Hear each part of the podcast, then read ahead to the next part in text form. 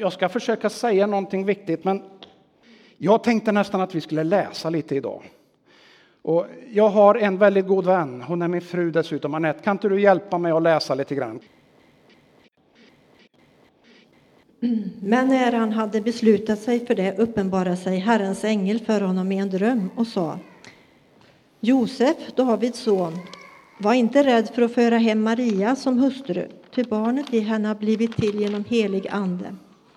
Hon ska föda en son och du ska ge honom namnet Jesus, ty han ska frälsa sitt folk från deras synder. Allt detta skedde för att det som Herren hade sagt genom profeten skulle uppfyllas. Jungfrun ska bli havande och föda en son och man ska ge honom namnet Immanuel. Det betyder Guds son, Gud med oss. När Josef vaknade gjorde han som Herrens ängel hade befallt och förde hem sin trolovade. Han rörde henne inte förrän hon hade fött en son och han gav honom namnet Jesus. I den sjätte månaden blev ängeln Gabriel sänd från Gud till en ung flicka i staden Nasaret i Galileen. Hon hade trolovats med en man av Davids släkt som hette Josef och hennes namn var Maria. Ängeln kom in till henne och sa var hälsad, du högt benådade. Herren är med dig. Hon blev förskräckt över hans ord och undrade vad denna hälsning skulle betyda. Då sa ängeln till henne Var inte rädd, Maria. Du har funnit nåd hos Gud. Du ska bli havande och föda en son, och du ska ge honom namnet Jesus.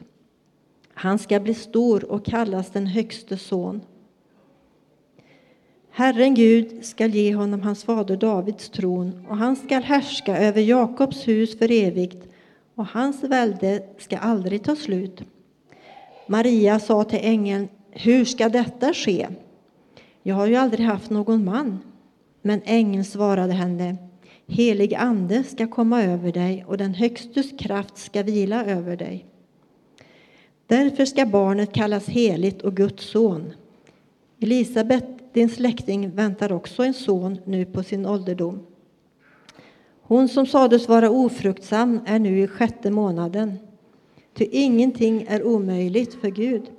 Maria sa, jag är Herrens tjänarinna må det ske med mig som du har sagt. Och ängeln, ängeln lämnade henne. Vid den tiden utfärdade kejsar Augustus en förordning om att hela världen skulle skattskrivas. Det var den första skattskrivningen och den hölls när Quirinius var ståthållare i Syrien. Alla gick då för att skattskriva sig, var och en till sin stad. Och Josef, som genom sin härkomst hörde till Davids hus, begav sig från Nasaret i Galileen upp till Judeen, till Davids stad Betlehem, för att skattskriva sig tillsammans med Maria, sin trolovade, som väntade sitt barn. Medan de befann sig där var tiden inne att föda, och hon födde sin son, den förstfödde. Hon lindade honom och lade honom i en krubba eftersom det inte fanns plats för dem inne i härberget.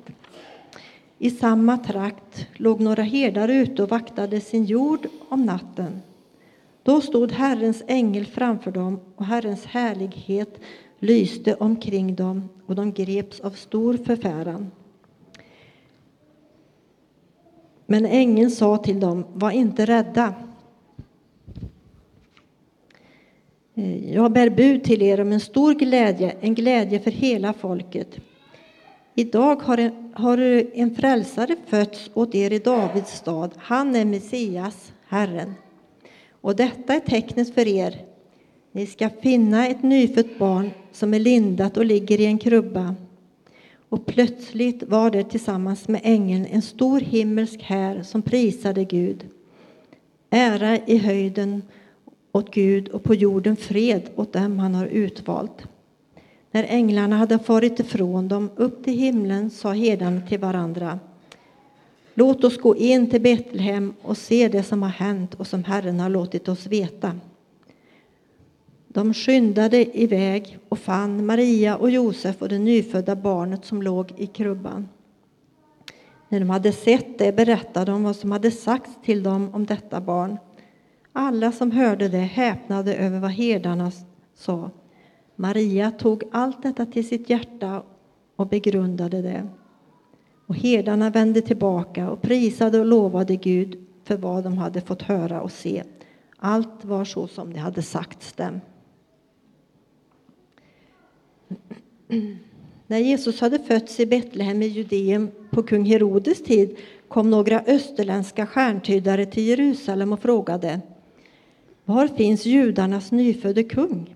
Vi har sett hans stjärna gå upp och kommer för att hylla honom. Han samlade, eh, Herodes hörde detta och blev oroad och hela Jerusalem med honom. När han samlade, han samlade alla folkets överste präster och skriftlärda och frågade om var Messias skulle födas. De svarade i Betlehem i Judeen, ty det står skrivet hos profeten Du Betlehem i Judaland är ingalunda ringas bland hövdingar i Juda. Ty från dig skall det komma en hövding, en herde för mitt folk Israel. Då kallade Herodes i hemlighet till sig stjärntydarna och förhörde sig noga om hur länge stjärnan hade varit synlig. Sedan skickade han dem till Betlehem. Bege er dit och ta noga reda på allt om barnet, sa han, och underrätta mig när ni har hittat honom så att också jag kan komma dit och hylla honom. Efter att ha lyssnat till kungen gav de sig iväg och stjärnan som de hade sett gå upp gick före dem tills den slutligen stannade över den plats där barnet var. När de såg stjärnan fylldes de av stor glädje. De gick in i huset och där fann de barnet och Maria, hans mor, och de föll ner och hyllade honom.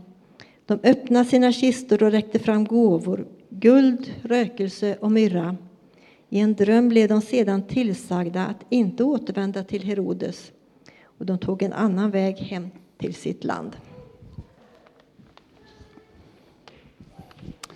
Tack så jättemycket. Hörni, vilka spännande berättelser.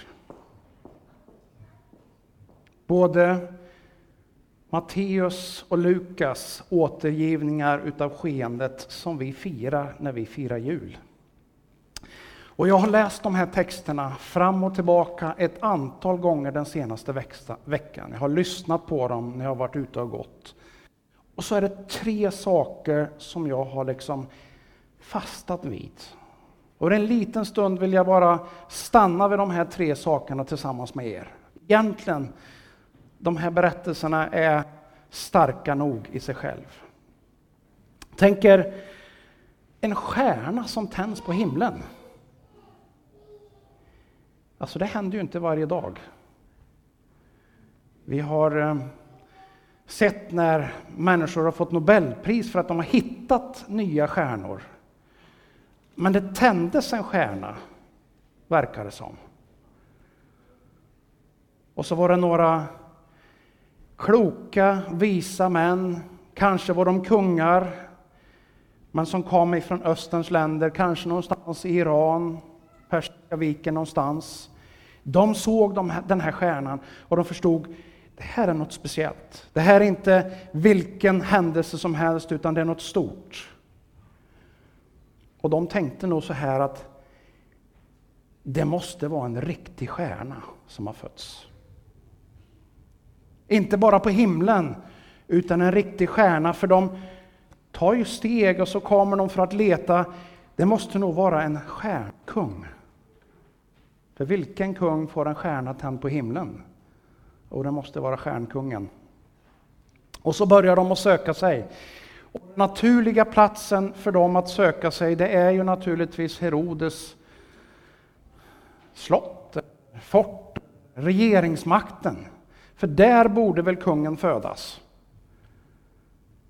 Men så är det inte. Dit kommer de och Herodes, han blir alldeles liksom, vad händer?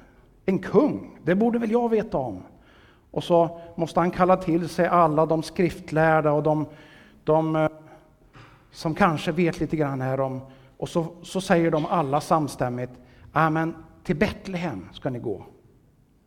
Och själv blir han lite orolig och skakig. Så är det någon som ska komma och ta makten från mig, eller hur blir det? Men han finner sig och så skickar han iväg dem och, och så säger han sådär liksom ett svepskäl. Ja, men jag, kom tillbaka till mig sen, för jag vill ju dit också. Fast han egentligen tänker något helt annat. Maria å sin sida, när hon, när hon möter ängeln så blir hon ju helt liksom fundersam. En 15-årig tjej eller vad hon nu kan ha varit som möter ängeln. Du ska föda en kung. Du ska föda någon som ska bli världens frälsare. Hur ska det gå till? Och vad säger ängeln då? Jo, för Gud är ingenting omöjligt. Och det jag fastnat vid är att ja, man vänder på det där, för Gud är allt möjligt. Jag vet inte riktigt vilken livssituation du befinner dig i just nu. Jag vet inte riktigt hur det ser ut om du är på toppen utav liksom en formkurva. Eller om du är i något annat skede i livet. Jag vet inte om du liksom har koll på tillvaron så du vet exakt vad som ska hända. Och du känner dig trygg och du liksom, eh, ja men du har koll. Eller om det är så här att allting känns som gungfly. Och då tänker jag, de goda julnyheterna, vad är det? Jo, det är att för Gud är allting möjligt.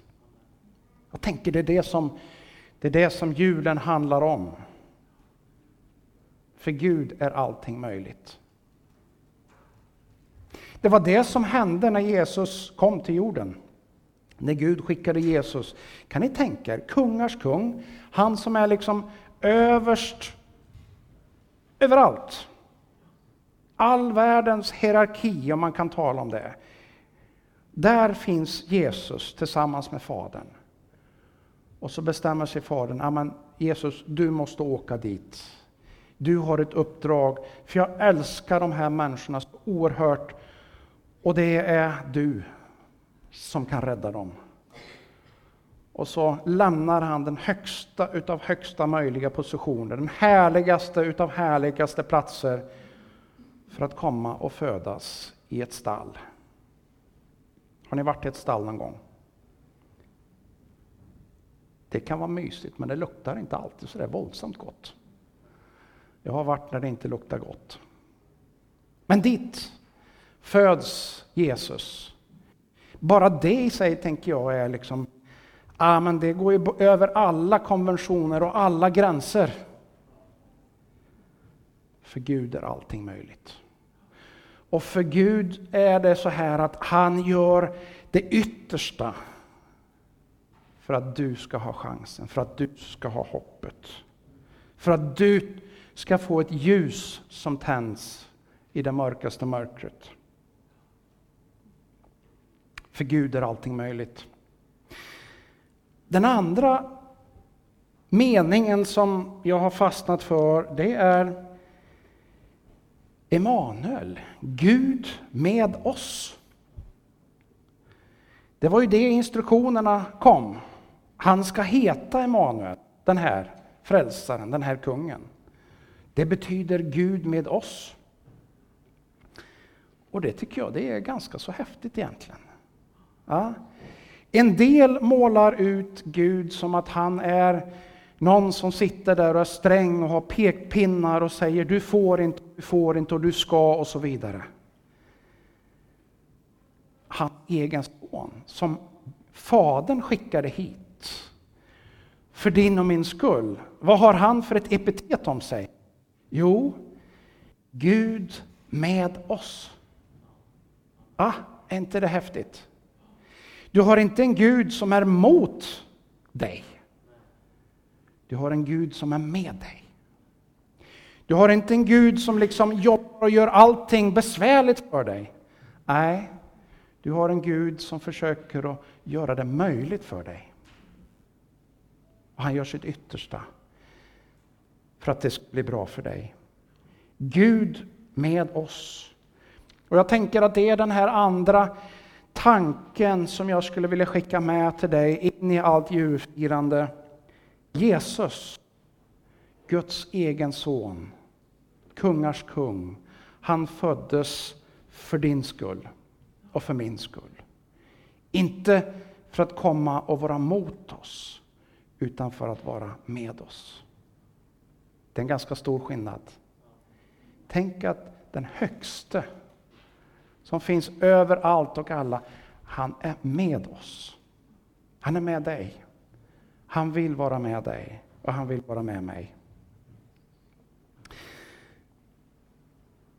Jesus han kommer som det här hoppet. Hoppet. Och vi firar ju Jesu födelse nu, men profeterna som hade liksom förutsatt hans födelse, de talar om, amen, han som kommer, han ska lyfta av bördor, han ska ge hopp där det är mörkt, han ska bryta sönder ok, det som binder eller det som tynger människor. Och när han kom, ja, vad hände då? Jo, först så föds han i ett stall och sen så småningom när han har vuxit upp och blir stor och liksom människorna vill ta emot honom som en kung, vad gör han då? Jo, då rider han på en åsna. Kan ni tänka er?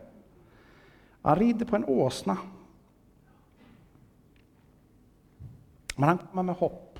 Han kommer med ett hopp på ett kanske annorlunda sätt än du och jag riktigt hade tänkt oss. Annorlunda än vad Jesu lärjungar hade tänkt sig. kan man se i text efter text efter text. Jag tänker att Maria, som var en ung kvinna, hon funderar nog, hur ska det här gå till? Men någonstans så säger hon, ja, jag är din tjänarinna. Gör som du har tänkt. Och så får jag väl liksom försöka att följa med och se.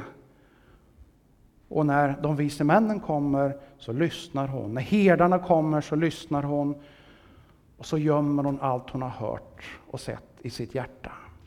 Vad ska det bli utav den här, tänker hon. Gud med oss. Och jag tänker att du och jag har egentligen ett enda viktigt beslut. Vårt val som vi har att göra, beslutet vi har att göra, är att ta sikte på den stora stjärnan. Vem då? Oh, tidernas stjärna, Jesus. Vi talar ibland om stjärnor av olika slag. Och vi kan ha stjärnor vi ser upp till. Men jag tänker att Jesus är den stora stjärnan genom alla tider. Det finns ingen som går att jämföra på något sätt genom hela historien, vill jag påstå, med Jesus. Tidernas stjärna, tidernas kung, tidernas hopp, tidernas möjlighet. Och ditt och mitt val som vi har att göra, det är att just ta sikte på den här stjärnan och börja följa honom. Och att börja följa, det betyder att man tar ett litet steg i taget. Och så fortsätter man och så tar man rygg. Så tar man ett steg till. Efter en stund så kommer man ganska långt. Jag tänker att en del tror att det är ett så stort steg att börja följa. Ja, kanske kan tycka Men det finns alltid ett litet steg som du kan ta till att börja med. Så kan du känna efter, känns det stadigt? Då tar jag ett steg till. Känns det bra? Jag tar ett till. Funkar det här? Ja, men jag tar ett steg till. Och så får du fortsätta att gå tillsammans med han som inte är emot dig, utan som är för dig. Han som liksom lägger axeln, armen runt dig. Jag är med dig. Kom, nu går vi. Steg för steg. Vi har inte bråttom. ta den takten som du orkar, som du kan och som du vill. Gud med oss. Den tredje saken som jag liksom har fångat utav de här texterna här, som sticker ut lite grann, det är att hans rike, eller hans välde, ska vara för evigt. Guds rike för evigt. Är inte det spännande? Om vi läser historien så konstaterar vi att rikena som finns i världen nu, de har inte funnits evigt. Det är ett antal hundra år som Sveriges rike har funnits i dess nuvarande form, men det är inte så det våldsamt många hundra år. Den har förändrats genom åren. Men här talar vi om ett rike som är annorlunda. Ett rike som består för evigt. Ett rike som eh, inte har några gränser. Ett rike som ja, har inga kulturella gränser, har inga språkgränser, har inga geografiska gränser. Och Jesus senare han beskrev det här riket som, ja men riket det, det finns i oss. Och det finns runt om oss. Och vi får ta emot riket. Och så säger han att ja, men riket är som ett litet, litet korn. Till jul så är det många som tycker om att ha senap på skinkan. Är det någon här som gillar att ha senap på skinkan? Ja. När du äter senap på skinkan, då kan du försöka se. Vi brukar köpa en variant där man ser de där kornen. Va? Och Jesus han säger som så här, att med Guds rike är det som ett sånt där litet senapskorn. Det ser så litet ut, det ser ut som inte det är någonting. Men det kan växa och bli ett stort träd. Det här riket det präglas av andra saker än de flesta andra riket, riken gör. Det präglas av ödmjukhet. Och kanske är det därför Jesus föds inte i kungapalatset, utan han föds just i ett stall. Visserligen har stjärnan uppe på himlen tänds, men när han blir människa så kommer han till ett stall. Det här riket det präglas visserligen utav rätt, men det präglas lika mycket utav vad då? Jo, nåd. Och nåd, vad betyder det då? Jo, det betyder att du och jag, som inte egentligen har möjlighet att kräva någonting, för att vi, vi, vi kvalificerar inte för det. Vi kan sträcka oss mot Jesus. Vi kan sträcka oss mot Gud. Och så får vi där ta emot nåd. Det vill säga, vi får ta emot julens hoppfulla, glada budskap av nåd. Utan att vi förtjänar det, utan att vi egentligen på något vis kan betala för det. Men vi får ta emot det utav nåd. Guds rike präglas inte av nåd utan också av upprättelse. Känner du dig misslyckad? Ja, men då du platsar för det här riket. Därför att det här riket handlar om inte bara nåd utan också om upprättelse. Känner man att man har ramlat, då kan man få resa sig upp igen. Känner man att man inte duger någonting till, att man inte är älskad, att man inte är någonting, ja, men då är det här riket för dig. Därför att där kan du få möta kungars kung. Och han ser dig rätt i ögonen och så säger han, du är mitt barn. Du är min. Jag älskar dig. Jag vill resa dig upp. Ett rike som är evigt, som inte har några gränser. Och frågan är hur man tar till sig det. Ja, ni såg mitt pass här va? Det här passet är utfärdat utav Sveriges rike och här kan man se att det finns en bild på mig också. Det här tar jag mig ganska långt på, men vet du, det här passet räcker inte för att komma in i Guds rike. Där behöver jag ett annat pass. Och vad är det passet för någonting då? Jo, det är inte svårare än så än att Jesus ta emot mig. Jag vill gå tillsammans med dig. Och där i Jesu närhet så blir du präglad av Guds rike. Du får liksom det där passet inpräntat i ditt hjärta. Och när du kommer till himlens port så behöver du inte ens visa passet. Därför att Guds rike känner ja men det här är en av våra medborgare. Henne vill vi släppa in, honom vill vi släppa in. Därför att han eller hon har tagit emot inte bara Jesusbarnet som föddes i krupp, inte bara Jesusbarnet som vi firar på jul, utan också Jesus, barnet som växte upp och blev världens frälsare. Vet du, det är de goda nyheterna. Det är de goda julnyheterna. Det är det som vi har läst om i den här bibeltexten. Det är därför vi firar jul. Att vi dessutom kan få en julklapp eller äta lite god julmat, att vi får ha gemenskap med varandra, det är liksom bonus bara. Men det här som är de riktigt goda nyheterna. Ska vi be tillsammans. Gud i himlen, tack att du sände din son Jesus. Du sände honom hit till jorden för att vi skulle få uppleva det här fantastiska hoppet. Och Herre, den här julen vill vi ta emot hoppet. Vi vill inte bara ta emot det som en fin berättelse, vi vill ta emot det i våra hjärtan. Och Herre, vi vill att du ingraverar medborgarskapets bevis i våra hjärtan. Tack för att du vill göra det. Tack för att du ger oss chansen den här dagen att ta steg tillsammans med dig. Tackar dig, jag ber dig i Jesu namn. Amen.